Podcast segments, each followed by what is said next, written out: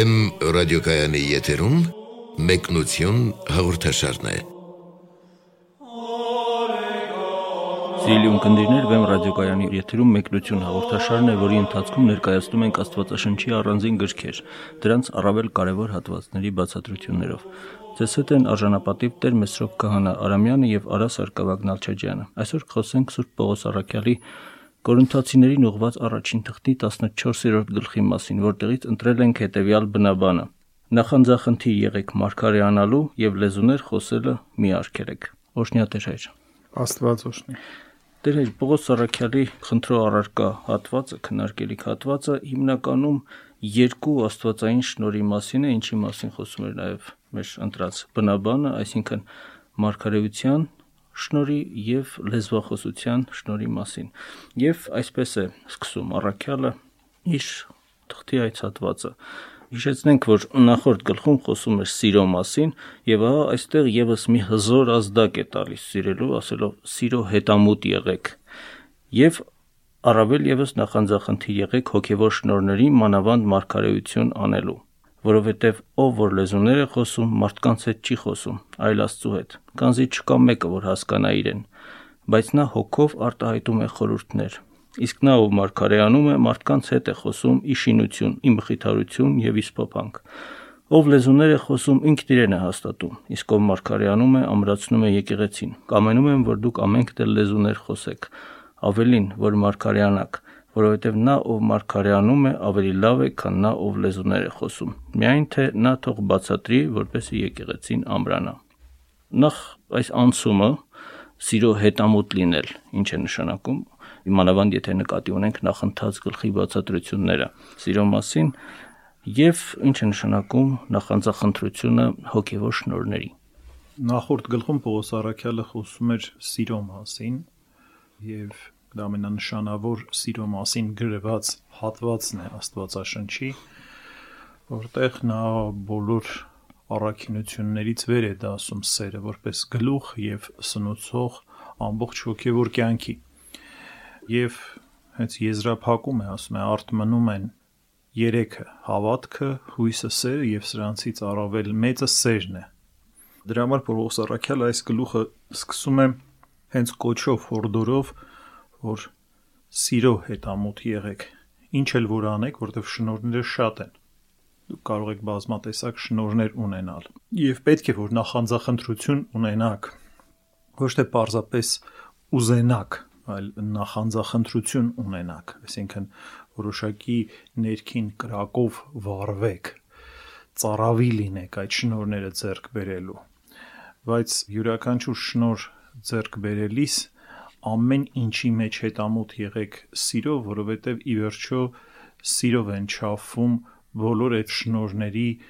արդյունքները, դրանց գործողությունների արդյունքների վերջին չափման միավորը սերն է։ Այսինքն, եթե դրա մեջ սեր չցուցաբերեցիք, այդ շնորհները իրենց նպատակին չեն ծառայում։ Այստեղ տեսնում ենք երկու ազդակ, մեկը հետամուտ լինել, մեկը նախանձախնդիր լինել։ Այսպիսով ձեր բացատրությունից ինչ կարելի է հետևեցնել, որ առավել հզոր ազդակը հետամուտ լինելն է, թե նախանձախնդիր լինելը տվյալ դեպքում։ Ընդհանրապես նախանձախնդիր լինել պետք է մարդուն շնորհներ ձեռք բերելու համար։ Այսինքն ոչ թե պարզապես նորից եմ ասում դա ցանկություն է, այլ նախանձախնդիր լինել է, որ մարդը իսկապես ներքին մեծ բաղձանք ունի, այդ կենսական ցանկություն ունի, էգզիստենցիալ ցանկություն ունի այդ շնորհները ձեռք բերելու, բայց սիրուն հետամուտ լինել նշանակում է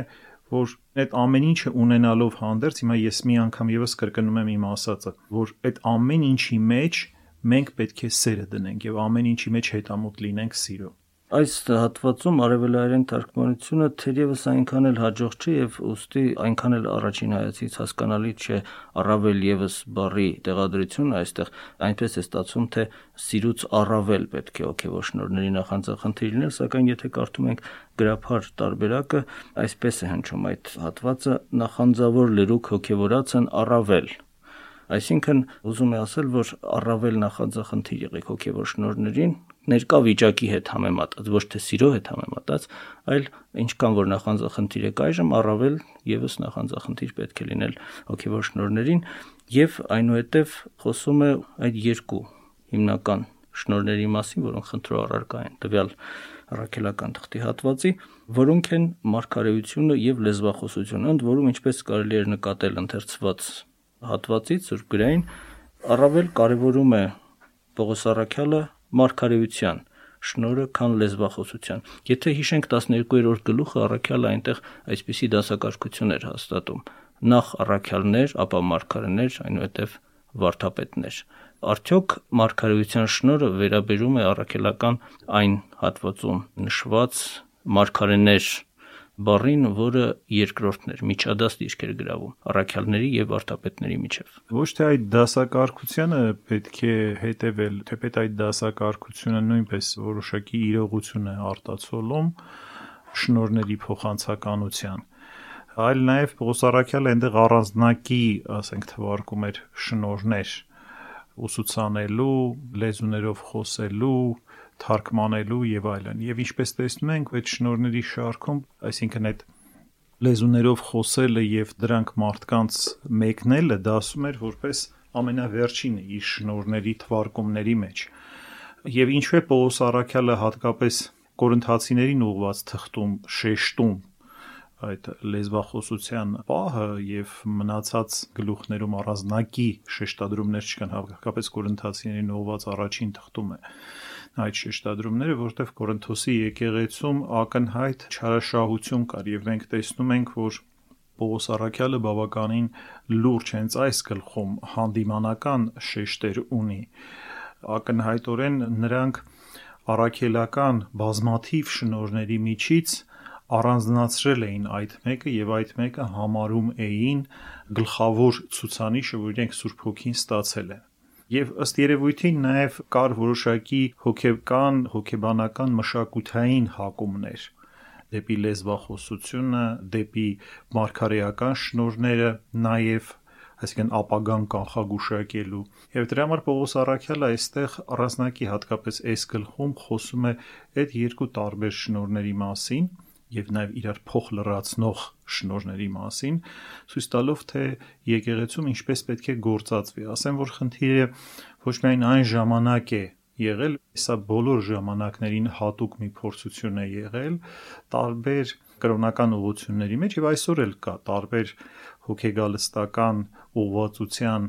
կրոնական շարժումներում փորձում են նույնպես այս հատվածների վրա առաքելական թղթերի շեշտադրումներ կատարել եւ ուղղակիորեն առանձնացնում են այս հատվածը որպես կարևորագույնը եւ փորձում են որպես այդպեսին ներկայացնել փորձում են որպես այդպեսին ներկայացնել Մինչդեռ օրինակ Ֆեոֆան Զատվորնիկ անունով հայտնի մեկնիչը ռուսական մեկնելով առաքյալի այս խոսքերը, ասում է առաքյալը կարծես կորինթացիներին ուզում է հայտնել, որ սխալ է ձեր ունեցած շապազանց բարձր համարումը լեզվախոսության շնորհի որը դուք ունեք իրականում դա շատ ավելի նվազ կարևոր է քան օրինակ մարգարեության շնորհը Թեպետ եւ Պողոս Արաքյալը ասում է հետամուտ եղեք շնորհների բայց դա չի նշանակում որ շնորհները պատվերով համերգ են այսինքն մենք երբ ուզեցանք Աստված պարտավոր է մեզ այս կամ այն շնորհը տալ եւ Աստված շնորհները տալիս է այնպես որ դրանք ժամանակների հետ են ճիշտ աշխատում եւ համընթաց են այսինքն մարդկանց հոգևոր ընկալումներին եւ նաեւ տվյալ ժամանակի եւ տվյալ մարդկանց համար է պետք է հասկանալ օրինակ այդ լեզվախոսության շնորհը ինչ էր ակտիվ հենց առաքելական շրջանում եւ հատկապես տրվեց առաքյալներին որովհետեւ նրանք ունեին գնալու եւ այլ աշխարհներում ավետարանելու խնդիր եւ հետեւաբար այլ մշակույթներում որպեսի նրանք կարողանային տարածել ավետարանի այդ լույսը, նրանք պետք է կարողանային հաղորդակից լինել տվյալ ժողովրդի հետ։ Եվ ժողովրդին հասկանալի լեզվով պետք է խոսեին, իրենց լեզվով։ Տվյալ ժողովրդին հասկանալի լեզվով եւ ուշադրություն պետք է դարձնել, երբ առաքյալները ստացան այդ շնորհը, ասում եմ մարդիկ, որոնք այնտեղ կանգնած էին այլազգիներ, նրանք զարմացան, որ այդ մարդիկ որոնք իրենց լեզուները չգիտեին, խոսում էին իրենց լեզուներով, այսինքն հասկանալի բառեր էին գործածում։ Եվ սա նույնպես ցույց է տալիս, որ այդ շնորը տրված է նրա համար, որպեսի ավետարանի քարոզությունը դառնա ունիվերսալ եւ բոլոր ժողովուրդների համար։ Իսկ Պողոս Արաքյալը Կորինթացիներին ասում է, որ դուք այդպիսի խնդիր չունեք։ Դուք ինքներդ ձեր մեջ եք, դուք ձեր երկրում եք եւ ինքներդ ձեր մշակույթի մեջ ձեր եկեղեցում եք։ Դուք լեզվախոսության շնորհի կարիք չունեք, որ մեկըդ մեկին ինչ որ հոգեվոր իրողություններ հասկանալի դարձնեք, որտեղ դուք նույն լեզվով եք խոսում։ Բոլորդ էլ հույներ եք։ Այո, բոլորդ էլ հույներ եք։ Եվ նաև հենց այս թղթում ասում է, եթե մեկը մտնի, ասում է եւ տեսնի, որ դուք անհասկանալի բաներ եք խոսում, ինչ պիտի մտածի ձեր մասին մտածելու է, որ ինչ որ մոլության մեջ եք ընկել, դիվահարության մեջ եք ընկել, որովհետև անհասկանալի եւ անկապ ձայներ եք արձակում, աղաղակում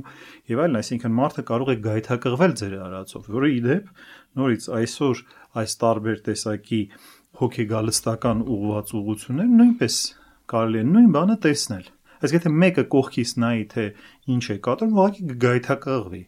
այդ անկապ ձայն արձակումներով, գետնին ընկնելով եւ շատ անդուր տպավորություն մարդկանց վրա թողնելով։ Ավելին տպավորությունն այնպեսին է, կարծես գժանոց ես մտել։ Եվ հիմա տեսեք, խնդիրը ինչի մեջ է։ Պողոս Արաքյալը հստակորեն այս ամբողջ թղթում խոսում է դրա մասին, որ այդ շնորը, լեզվախոսության շնորը երբևիցե եկեղեցին չի շղթում։ Այսինքն չի ասում այդպիսի շնոր չկա։ Իսկապես այդպիսի շնոր կա եկեղեցում, բայց այդ շնորը տրվել է ինչ որ նպատակի համար ճիշտ գործածության համար է տրվել եւ դուք կորընթացիներին ասում է այդպիսի գործի կոչված չեք ոչ ոք ձեզ չի կանչել ասում է առաքելական գործի Պողոս Առաքելն ասում է ես եմ որ ձեզանից ավելի ունեմ այդ շնորները ասում որովհետև ձեզանից ավելի եմ լեզուներով խոսում շատ հստակ Պողոս Առաքյալը ասում է ես եմ առաքյալը եւ ոչ թե դուք եք առաքյալը ձեզ առաքյալների տեղ մի դրեք եւ ասում է եթե իսկապես դուք ազդված եք հոգուց, իսկ հոգուց ամեն ոք կարող է ազդվել, լցվել հոգով, հոգով երկելու ցանկություն ունենալ, հոգով ինչ որ մի բան ասելու ցանկություն ունենալ։ Ինքը ասում է, որ դուք դա պետք է նաև մտքով ֆիքսեք։ Այսինքն մտքով հասկանալի պիտի դարձնեք, պիտի մեկնեք մարդկանց համար։ Որտեւ ասում է հոգով խոսածողը եւ ասում են որ դա աղոթքի հետ աղերսված իրողություն է աղոթքի դա պահ է երբ մարդ լցվում է ցնծում է հոգով եւ ինչ որ մի բան է ուզում ասել ասում է որ դա առաստված է ուղված աստծուն է ուղված այսինքն դա ի վերջո աղոթքի ցնծական ինչ որ մի դրսևորում է բայց ասում եմ ինչեւ որ դուք դա արտահայտեք Դուք դա մտքով պետք է ֆիքսեք, թե ինչ է։ Մտքով ֆիքսելուց հետո էլ պետք է կարողանաք թարգմանել, այսինքն պետք է կարողանաք խոսքով վերարտադրել այլոց համար։ Այլապես Պողոս Արաքյալը ասում է, որ ավելի լավ է լուր մնալ, քան խոսել, որտեվ եթե չկա այդ թարգմանությունը կամ չկա այդ թարգմանողը, որը մինչև վերջ ձեր հոգևոր վիճակը հասկանալի է դարձնում ուրիշի համար, ավելի լավ է գայթակղությամբ չզբաղվել։ Իսկ մարգարեությունը, ըստ Պողոս Արաքյալի, լրիվ ուրիշ շնոր է։ Դա շնոր է ուղված մարդկանց։ Այսինքն դա ոչ թե դեպի վեր առաստված ցնցական մի իրողություն է, այլ մարդկանց խրատելու, մարդկանց ուսուցանելու, մարդկանց ուղղորդելու, հոգևոր մի հորդոր տալու շնոր է եւ բնականաբար մարգարեությունը չի կարող այդպես գայթակղիչ լինել որովհետեւ մարգարեության մեջ անհասկանալի բաներ չպետք է լինեն մարգարեությունը մարդկանց համար հասկանալի կերպով պետք է արտահայտվի բառերով։ Եվ հենց այստեղ է որ հարցը առաջանում Տեր, ինչպես է որ առաստված ուղված մի բանը առավել նվազ կարևոր է, քան արմարտիկ ուղված ինչ որ բանը։ Չէ՞ որ ասենք առաջին շնորհը, որ ասացիք լեզվախոսության, առաստված է ուղված եւ համաձայն առաքելական պատվերի մարդ ահով ու դողով ամեն օր իր անձի փրկությունը պետք է գործի, այսինքն ներանձնական մարդու էության խորքերից բխած ինչպես ասացիք, հոգով ինչ որ բան ասելու ցանկություն է առաջանում։ Այսպիսի մի բան է դա եւ ուղված է առաստված։ Ինչպես կարող է առաստված ուղված այդ վեհ բանը առավել պակաս լինել, քան մարդ-մարդ հարաբերության մեջ եղած ինչ որ մի բան։ Որովհետեւ դա ավելի նվազ ունիվերսալ շնոր է, քան մարգարեականը, որովհետեւ այդ մի հայտնությունը քո անձի համար էր, քո նեղ վիճակի համար էր։ Իսկ այն մյուսը բազմաթիվ մարդկանց փրկության համար էր եւ առավել ունիվերսալ էր։ Գիտեք, հավատացյալները շատ հաճախ չեն հասկանում, որ այն ինչ որ իրենց ներսում կատարվում է, դա դեռ ուսանելի երևույթ չէ եւ Աստծուց է կախված Աստված ուզում է ինչ որ մի բան ուսանելի դարձնել, ուսուցում դարձնել, թե ոչ մեկը մի բան տեսավ, մի երազ տեսավ, մի չգիտեմ ինչ որ մի նշան, մի բան, որ դեռ ինքն էլ լավ չի հասկանում ինչ է դա կամ ինչ նպատակով է դա իրեն տրված անմիջապես վազում է սրան նրան պատմում է եւ այլն այսինքն մարդը պետք է մի քիչ զգուշավոր լինի այն ինչ որ իր ներսում կատարվեց դա առանձնակի իր համար էր թե դա օրինակ եւ նմուշ էր մնացած մարդկանց համար եւ ինչ որ ուսուցանության նյութ էր։ Դրա համար շատ բաներ կա, որ մարդու հոգում կատարվում է եւ մարդը պետք է լրությամբ այդ ամեն ինչը տանի։ Ներքուստ լրությամբ որպես խորուրդ տանի, որը ժամանակի ընթացքում ինքն իրեն կբացվի, այսինքն ավելի հասկանալի կդառնա։ Բայց կան հայտնություններ, որոնք միայն այդ անձի համար չեն, ընդհակառակ այդ անձը ընտրված է որպես միջոց, որպես խողովակ այդ հայտնությունը մնացած մարդկանց փոխանցելու համար։ Դրա համար ասենք այդ հայտնությունը ունի շատ ավելի մեծ կշիռ եւ շատ ավելի մեծ ազդեցություն։ Այդ իսկ իմաստով բնականաբար մարգարեության շնորը գերադաս է լեզվախոսության շնորհին։ Անկամ Սուրբ Մարիամ Աստվածածինը, որ ինքն էր ծնունդ տվել Աստվածորդուն, նրա խոսքերը եւ նրա հետ կատարված դեպքերը, այդ իրադարձությունները, այդ ամենը համաձայն ավետարանչի խոսքի իր սրտում էր պահում։ Եվ Մարիամը այս ամենը իր սրտում էր պահում, այսպես է ասում Աստվածաշունչ մատյանում։ Սա դերևս նույնպես օրինակ է մեզ սովորական հավատացյալներից համար եկեղեցու մոր դրսևորած այս վարքագիծը։ Եվ երբ հայտնությունը նա ստացավ, այսինքն այդ մեծագույն ավետիսը մենք տես մենք հոգևոր տեսանկյունից ինչ խորը եւ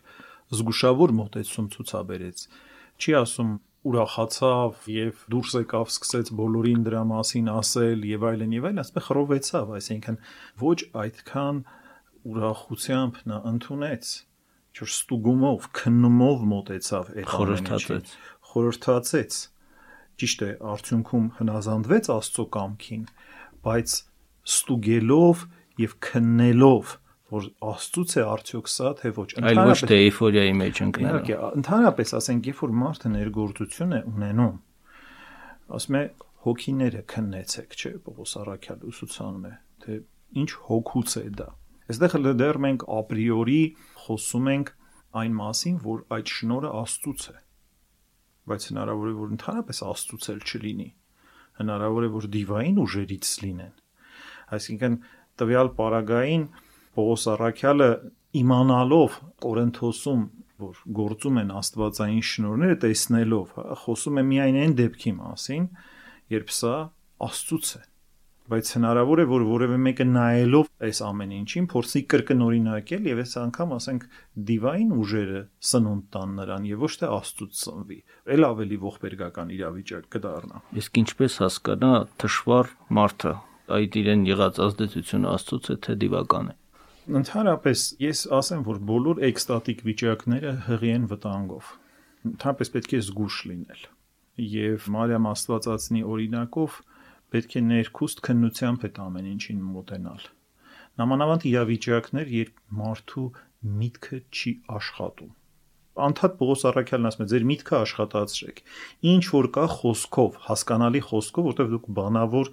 էակներ եք եւ Աստծո որդին որպես խոսք հայտնվեց, որպես բանն Աստված հայտնվեց, բանն Աստված է կոչվում մեզ։ Բանականությունը պետք է աշխատի։ Մարմնավորված խոսքն է։ Ցանկացած բան պետք է խոսքով եւ հասկանալի կերպով, որտեվ խոսքը արդեն մտքի հակոստն է, մարմնավորված միտքն է։ Ասում եմ խոսքով պետք է հասկանալի դարձնեք։ Որևէ բան, որը խոսքով հասկանալի չի դառնում, պետք է զգուշ լինեք այդպիսի երևույթներից։ Մինչև որ Տերը ինքը կբացի, պետք չի տրվել այդպիսի երևույթների, որովհետև այլապես կարող եք խաղալիք դառնալ այլ ուժերի ձեռքին։ Այսինքն եկեղեցու հայրերը միանշանակորեն զգուշացնում են մեզ հենվելով Աստվածաշնչի վրա զգուշացնում են, որ հոգևոր, այսպես կոչված շնորհների նկատմամբ պետք է որոշակի զգուշավորություն։ Այլապես դու կարող ես գայլին գառան տեղ ընդունել եւ դրա վերջը վատ է լինելու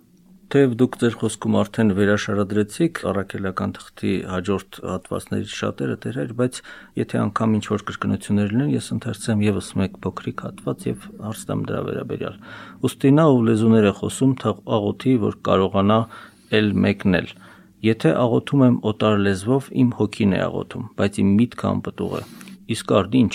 Պիտի աղոթեմ հոգով, պիտի աղոթեմ նաև մտքով։ Սաղմոս պիտի ասեմ հոգով, սաղմոս պիտի ասեմ եւ մտքով։ Տեսնում ենք, որ հստակորեն այստեղ առաքյալը հոգի եւ միտք տարբերություն է դնում, բայց չէ որ եկեղեցու հայրերն ասում են, որ միտքը բանականությունը երամաս հոգու բարձրագույն հատվածն է ինչու է առաքյալը տարբերություն դնում միթե այստեղ հոգի ասելով նա բացառում է դրա բարձրագույն հատվածը բանական միտքը Ինչպես է բացառում երբ ընդհակառակը հենց նույն բանն է ասում այսինքն ասում է եթե աղոթում եմ հոգով նաև ասում է պետք է մտքով աղոթեմ այսինքն այն ինչ որ որ իմ հոգում կատարվում է եթե ես կամենում եմ դա ինձանից դուրս հանել, ինձանից դուրս հանելու մեկ ձև գոյություն ունի։ Երբ դա մտքով եւ հետեւաբար բանականությամբ, այսինքն խոսքի ուժով ֆիքսված է այլապես ասում է ինքը ինձանից դուրս եկող իրողություն չպետք է դառնա բայց բացի դրանից ոչ միայն ինձանից դուրս հանելու եւ ես հոգեվոր ապրում եմ ունեցել որևէ հոգեվոր ապրում եմ ունեցել քանի դեռ ես այդ ապրումը չեմ ֆիքսել մտքով եւ խոսքով արտահայտելի չեմ դարձրել ինձ համար, այդ ապրումը շատ անորոշ բան կարող է լինել եւ նույնիսկ հոգեվորից հեռացնել ինձ։ Տեսեք, մենք հավատքի խոստովանություն, ինչու ենք այդքան հաճախ մենք դավանությունը կարդում եկեղեցին։ Բարձրաձայն։ Բարձրաձայն։ Հենա կընդունեինք պարզապես, որ Քրիստոս մեր փրկիչն է, ամենասուրբ երրորդությունը եւ այլն եւ այլն եւ առանձնապես դրա մասին չէինք խոսի ինչու ենք մենք բարձրաձայն կարդում ոչ միայն բարձրաձայն կարդում այլ նաեւ երգում որովհետեւ ամեն անգամ երբ մենք այդ սիմվոլները արտահայտում ենք բառային կերպով արտահայտում ենք մենք գիտակցական եւ հոգեվոր այլ մակարդակի վրա ենք դուրս գալիս նաեւ մարմնավոր չէ որ ձեռնամած ենք դա անում եւ զորանում ենք հոգով մենք կարող ենք առանց որևէ մի աղոթք օգտագործելու հոգեպես աղոթել, բայց ինչ ենք աղոթքներ օգտագործում։ Ինչի հենց Տերը ինքը աղոթք ուսուցանեց, ասեց որ աղոթելու լինեք, ուրեմն այսպես աղոթեք, ուսուցանեց ինչպես աղոթել։ Ինչ բառերով։ Որտեւ այդ աղոթքի բառերը մեր մեջ որոշակի ազդակներ են դառնում որոշակի իրողություններ են դառնում։ Այդ աղոթքի բարերով մենք սկսում ենք հաղորդակից լինել որոշակի զորությունների, որոշակի հոգևոր մշակույթի, որոշակի հոգևոր ճանաչողության։ Նույնպես էլ մարդը, օրինակ ասենք, երբ մարդը մեղք է խոստովանում, ինչ կարիք կա այդ դեպքում խոստովանելու։ Թող մարդը պարզապես իր ներսում զղջա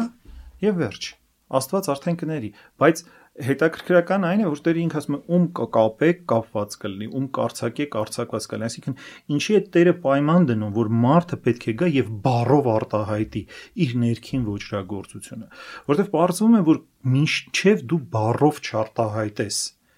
նախ գիտակցաբար չֆիքսես քեզ համար եւ դա հասկանալի կերպով չկարողանաս արտահայտել դու չես կարող խորը զղջում ունենալ դու անորոշ ներքին կարող է լղոզված իրավիճակներ ունենաս, անհասկանալի, եւ ինքդ մոլորվես քո ներքին այդ լղոզված անորոշ ապրումների մեջ, բայց հենց որ դու արտահայտեցիր խոսքով, արդեն դա քեզ համար հստակորեն ֆիքսվեց։ Դու գիտակցական ավելի բարձր մակարդակի վրա դուրս եկար։ Շատ հաճախ դու ինչ որ մի բանի մասին ես մտածում, գիտական խնդիր ես լուծում, ինչ որ մի բան ես քննարկում։ Երբ որ սկսում ես մեկի հետ խոսել, երբ որ սկսում ես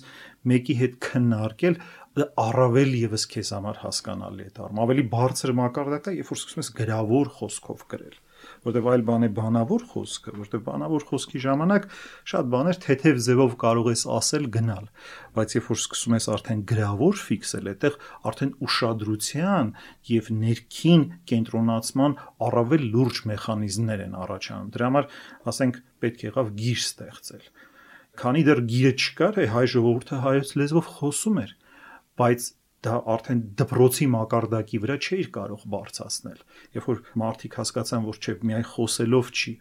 այլ պետք է ավելի բարձր մակարդակի վրա այս ամենը բարձրացնել եւ փոխանցականություն ապահովել, այդտեղ առաջացավ նաեւ գրի անհրաժեշտությունը։ Դրա համար մենք տեսնում ենք, որ խոսելու շնորը, ասելու, գրավոր կամ բանավոր, ֆիքսելու ներքին իրողությունները կարևորագույն պահ է հոգեվոր գիտակցության համար Դա ներքին սթափության, ներքին հստակության ճանապարհ է։ Անշուշտ դեր այր ասված սպառիչ եւ էական ճշմարտությունների դժվար է չհամաձայնել, սակայն հարցը առաջանում թե ինչու է դեպքում առաքյալը երկու տարբեր բառեր է օգտագործում այս եւ այլ հատվածներում հոգի եւ միտք, տարբեր տերմիններ։ կան երաչափ կառույցներ հոգու,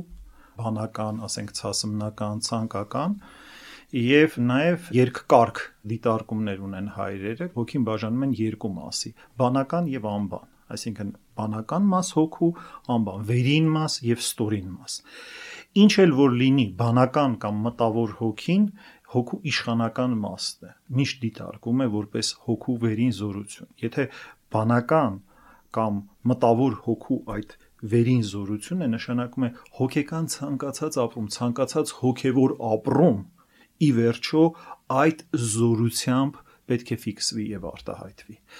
Այդ զորությամբ պետք է մարսվի մարդու համար, որպեսի վերջնականապես լինի մարդունը, որպեսի վերջնականապես թե աշխատի այդ մարդու փրկության համար եւ եթե անհրաժեշտ է այլ մարդկանց փրկության համար։ Հաջորդիվ առաքյալը խոսում է եկեղեցու մեջ այս առումով, աստվածային այս շնորհների առումով հաստատվելիք կարգուկանոնի մասին։ Ես ընթերցեմ հաջորդ հատվածը առաքելական թղթի։ Եվ արդ ինչ անել եղբայրներ, երբ իմի վայր հավաքվեք, ձեզնից յուրաքանչյուրը շնոր ունենա սաղմոս երկելու թե ուսուցանելու, Աստծո հայտնությունը բերելու, թե լեզուներով խոսելու կամ խոսվածը թարգմանելու, թող այդ բոլորը լինի իշինություն եկեղեցու, թե լեզուներ են խոսում երկու կամ ամենաշատը 3 հոգի, թող մեկ-մեկ խոսեն եւ թող մեկն էլ թարգմանի։ Իսկ եթե չլինի մեկը, որ թարգմանի, թող լուր մնան եկեղեցում, իրենց մտքում եւ Աստծո հետ թող խոսեն։ Բայց թող երկու կամ երեք մարգարեներ խոսեն մեկ-մեկ,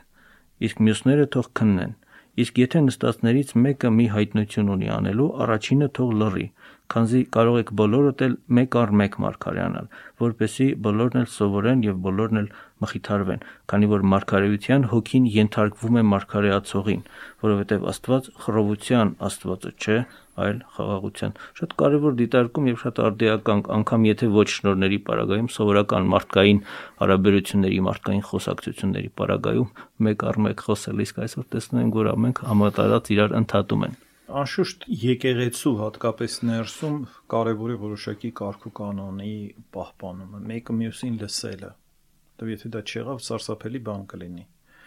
Այսինքն, որը մեկը չի կարող այդ եկեղեցում առանձնություն ապահովել եւ աղոթել։ Եկեղեցի ամեն մի մարդ, որ մտնում է այնտեղ, պետք է հոգևոր տեսանկյունից գայթակղության չենթարկվի։ Պետք է կարողանա հանգիստ կերպով իր աղոթքը առաստված վարկել։ Դրա համար եկեղեցում նաև գալ, զրույցների բռնվել, դեռ այստեղ ասենք ինչ որ շնորհների մասն է խոսում, բայց ինչ ասենք այն մարդկանց մասին, որ գալիս են ընդհանրապես եկեղեցում, սկսում են իրար հետ խոսել, բամբասել, ինչ որ մի բան ասել հասկանալի է, իրար չեն տեսել, վայ, մեկ էլ իրար տեսան, սկսեցին խոսել։ Այդպիսի բաները անթույլատրելի են, որտեղ դրանք խանգարում են այլ մարդկանց աստվածպաշտությանը։ Այստեղ նաև Պողոս Արաքյալը ասում է, որ նամանավանդ արտահայտելու բան կա, ասում է, եթե դուք արտահայտելու բան եք, օրինակ ասենք լեզվախոսության շնորհի մասին է ասում, որ անպայման մեկ առ մեկ լինի եւ մեկ առ մեկ լինելուց էլ ասում են նախ մեծ խմբերով չպետք է լինի որպեսի անկառավարելի չդառնա ասում են 2-3 հոգի ամենաշատը բայց ասում են անպայման պետք է զուգորդվի մեկնությամբ կամ թարգմանությամբ այսինքն ինչ որ որ ասում եք բարձրաձայն որևէ բան արտահայտվեց պետք է դա հասկանալի դարձնել մարդկանց այլապես անիմաստ է դա բարձրաձայն արտահայտելը ավելի լավ է մտքով աղոթելը եւ լուր մնալը Տեսնում ենք, որ այստեղ առաքյալը ասում է երկու հոգի թող անեն դա, ամենաշատը 3 հոգի։ Եվ եթե հիշենք տերունական խոսքը, ուր երկու կամ 3 հոգի հավաքված լինեն իմ անունով, այնտեղ եմ ես նրանց մեջ։ Արդյոք առնչություն ունեմ միմյանց հետ այս երկու երեքները։ Այստեղ երկու կամ 3 հոգի, երբ Պողոս Արաքյալը ասում է, պարզապես նկատի ունի, որ գոնե մեկը պետք է լինի թարգմանող, մեկը լեզուներով խոսող, ուրեմն նշանակում է երկու հոգի։ Առավել ինքը ասում է 3, դրանից ավել ասում է այլևս իմաստ չունի, որովհետև խառնաշփոթի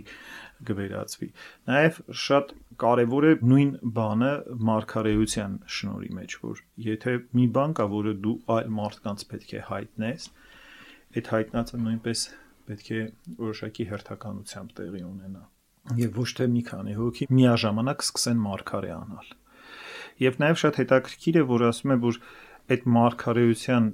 շնորը, մարգարեանալու շնորը ենթարկվում է մարգարեներին։ Սա շատ հետաքրքիր արտահայտություն է։ իհարկե շնորհը մենք ստանում ենք Աստծուց, բայց այնպես չի որ մենք այդ շնորհները գործածելու հնարավորություն չունենք։ Այսինքն եթե դու արդեն վարժված ես մարգարեության մեջ եւ այդ մարգարեության լեզվին ես տիրապետում կամ դրա զորությանն ես տիրապետում, առնչվում ես դրա հետ, ուզում եմ ասել, որ ինքը նաեւ կարող է գործածվել մարդկանց կողմից եւ սա ամենավտանգավոր պահն է ինչպես է դա գործածվում ինչպես օրինակ մաթեմատիկոսը տիրապետում է մաթեմատիկային կամ ֆիզիկոսը ֆիզիկային կամ որևէ այլ գիտության ներկայացուցիչ իր առարկային այդպես? կարող եք այդպիսի օրինակներ վերցնել բայց մարդկության պատմության մեջ շատ են նաեւ հայտնի երբ մարդիկ շնորները իչարս են գործադրում այսինքն իրենց անձնական փառքի համար կամ այդ շնորը ունենալով դու կարող ես ոչ աստվածային նպատակի համար դա ծառայել նույնպես էլ մարգարեական շնորը դու կարող ես օգտագործելով քո այդ որոշակի տեսողությունը, չէ՞ որ մարգարեություն նաև որոշակի բացված տեսողություն է նշանակում։ Այսինքն գործածես ոչ թե մարդկանց փրկության համար, այլ քո եսը պարտադրելու համար ոչ թե մարդկանց դեպի փրկություն ուղղորդելու, այլ այլ բաներ ուղղորդելու, այսինքն ինչ որ մի բան ասելու, որը այս մարդու հետ կկատարվի կամ ինչ որ մի բան տեղի կունենա, որը ամենևին էլ պետք չէ նրա փրկության համար կամ մարդը կարող է ասել, «Ա ինչ ես զգում, ես չգիտեմ, այս ինչ բանը ինչ կլինի» եւ դու ինչ որ մի բան ասես ելնելով քո այդ բացված շնորհից իհարկե ասենք դրա պատճառով դու կարող ես իսպար զրկվել այդ շնորհներից բայց իչարս ես արդեն գործադրում ոչ աստծո կամքը թարգմանելու համար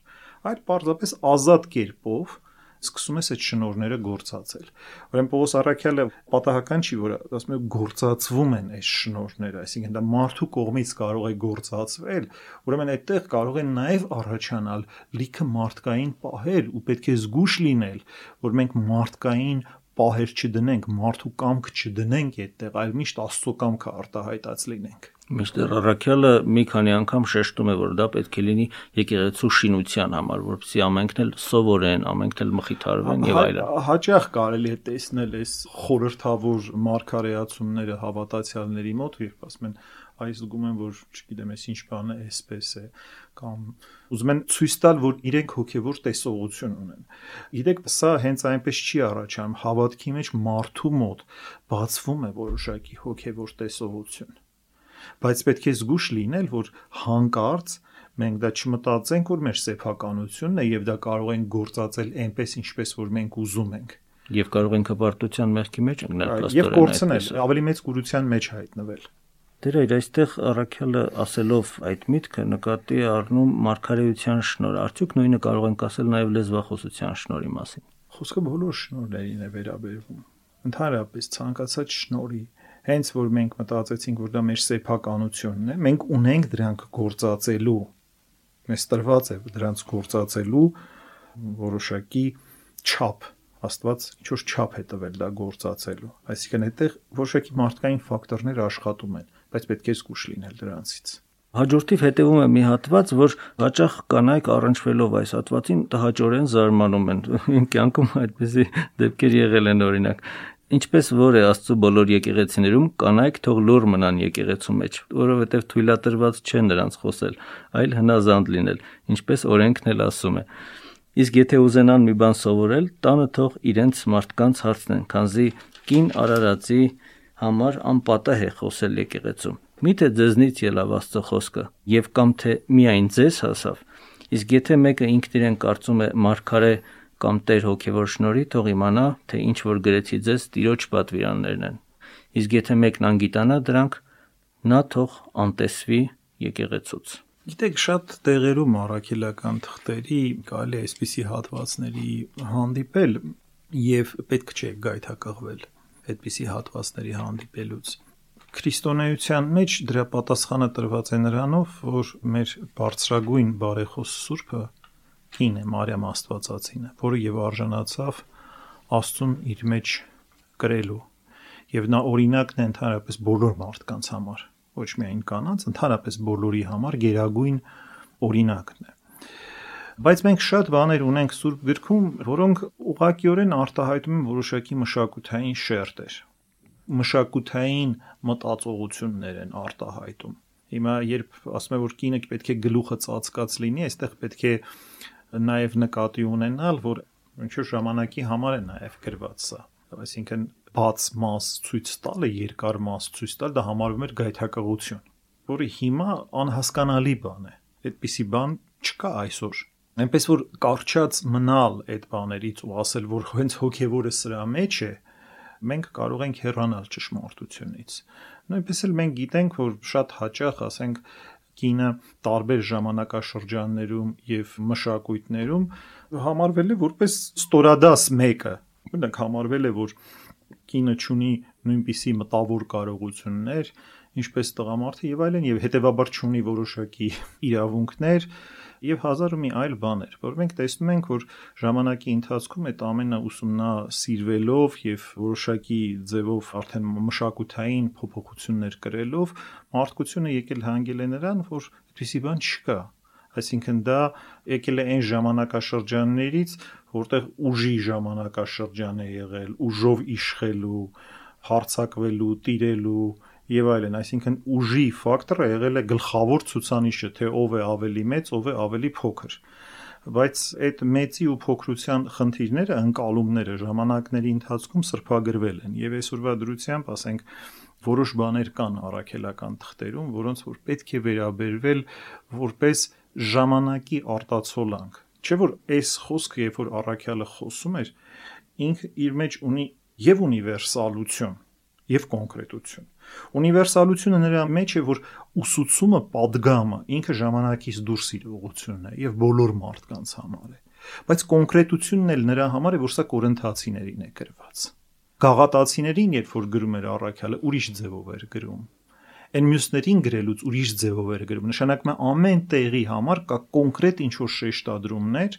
նշանակում է, որ կոնկրետություններ կան առաքելական թղթերում, որ կապված է տվյալ տեղի եւ ժամանակի հետ եւ պետք է դա տեղի ու ժամանակի մեջ հասկանալ։ Երբ տեղից ու ժամանակից մենք կտրվում ենք, իրեն կարող են մի քիչ անհասկանալի լինել։ Եվ դրա մեջ չի առաքելական խոսքի զորությունը, այլ իմաստի մեջ է այն ամեն ինչի մեջ ինչ որ ինքը խոսում է եւ ուսուցում որպես ժամանակից դուրս դիեզերական ուսուցում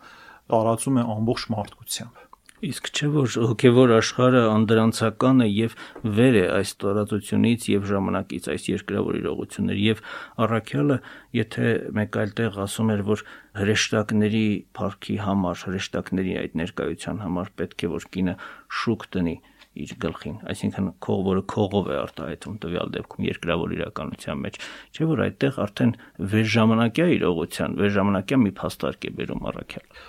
Նորից եմ ասում, երկու պահ կա այդ խոսքի մեջ։ Մեկը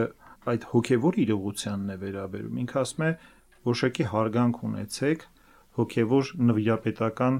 իրողությունների նկատմամբ Ժամանակ դուք գիտեք, որ բոլորը քող էին գործածում, հիմա վերադառնանք այդ խոսակցությանը։ Տղամարդն էլ կարող էր գլուխը ծածկել, կինն էլ կարող էր գլուխը ծածկել։ Տղամարդկանց ընդհակառակ ասում է վերցրեք ձեր այդ գլխի ծածկոցը ձեր վրայից կանանց ասում է ընդհակառակը ձեր գլուխը ծածկեք եւ ասում է սա որոշակի հոգեվոր իրողություն է արտահայտում այդпիսով դուք որոշակի հարգանք եք դրսևորում սիմվոլներ է դնում առաքյալը որոշակի հարգանք դրսևորելու համար որը մենք այսօր աշխատում ենք պահպանել, այսինքն մարդկանց ասում ենք, երբ որ մոտենում ես հաղորդությանը, երբ որ մոտենում ես սրբությունների կամ խորուրդ է կատարվում, խնդրում ենք, որ կանայք իրենց գլուխները ծածկեն։ Բայց այսօր միանշանակ ստիպել, որ բոլոր կանայք հենց անմիջապես եկեղեցի մտնեն գլխաշորով, դա անկիրառելի կլինի։ Այսինքն մենք պետք է հասկանանք, թե որն է այսօր կիրառելի եւ որն է անկիրառելի Ներսես Լամբրոնացին իր պատարակի մեկնության մեջ գրում է, ասում է՝ մի ոգ երեխայից, երբ որ մենք երգում ենք ապաշխարողած եւ անմաքրից, այսինքն որ դրանց պետք է հանենք եկեղեցուց, չէ՞, ըստ օրենքի ասում, այդ ժամանակ հենց մենք երգում ենք բոլոր երեխաները, ապաշխարողները, այս երեխաները ովքեր են, չմկրտված մարդիկ, բոլոր չմկրտվածները, ապաշխարողները եւ անմաքուրները պետք է դուրս գան եկեղեցուց եւ փակեն եկեղեցու դռները։ Հին եկեղեցում այդպես էլ եղել է։ Նրանք դուրս են եկել եւ չեն էլ իմացել պատարակի ժամանակ ինչ է կատարում։ Բայց Լամրոնացին արդեն ասում է հիմա եթե մարդկանց մենք եկեղեցուց դուրս հանեցին, կգնան էլ եկեղեցի չեն գա։ Ասում է արդեն անկիրառելի է սա։ Եվ մենք մինչև հիմա դա երգում ենք, բայց այդ կանոնը չենք կիրառում, չէ՞, հասկանալով, որ մարդը հազիվ եկեղեցի է եկել, հիմա էլ մի հատ նրան եկեղեցուց դուրս քշենք, այդ մարդը կգնա էլ չի գա։ Դրա համար նորից եմ ասում, երբ որ ժամանակը փոխվում է, ըստ ժամանակի որոշ բաներ, որոշ իրողություններ ստանում են իրենց որոշակի սրբագրումները։ Սա չի նշանակում, որ մենք հոգին կորցրեցինք։ Հոգին դրա մեջ չի այսինքն ինչ որ բաներ տարածիորեն պահպանելու մեջ ընդհանրակ առակը տարածի բանի մեջ կա հոգին սպանելու շատ մեծ վտանգ ու շատ հաճախ մարդկությունը երբ ինչքան հոգեզրկվում է այնքան տարի հետևից է ընկնում տարածիորեն կիրառելու հետևից է գնում տարն է պարտադրում եկեք տարը չպարտադրենք հոգու պարտադրանքի հետևից գնանք իսկ հոգու պարտադրանքը ազատ արար է տարի պարտադրանքը դա մեծագույն բռնությունն է Ուրեմն եղբայրներ նախանձախնդիր եղեք մարգարեանալու եւ լեզուներ խոսելը միարկելեք եւ ձեր ամեն ինչը պարկեշտությամբ եւ ըստ կարգի թող լինի եզրափակում է իր խոսքը առաքյալը Սիրելի ունկնդիրներ իմ զրուցակիցն էր արժանապատիվ Տեր Մեսրոպ Քահանա Արամյանը Տեր Մեսրոպի հետ մեր հաջորդ զրույցը նախատեսել ենք Սուրբ Պողոս Առաքյալի Կորինթացիներին ուղված առաջին թղթի 15-րդ գլխի մասին Օրհնյա Տեր հայր Աստված օրհնի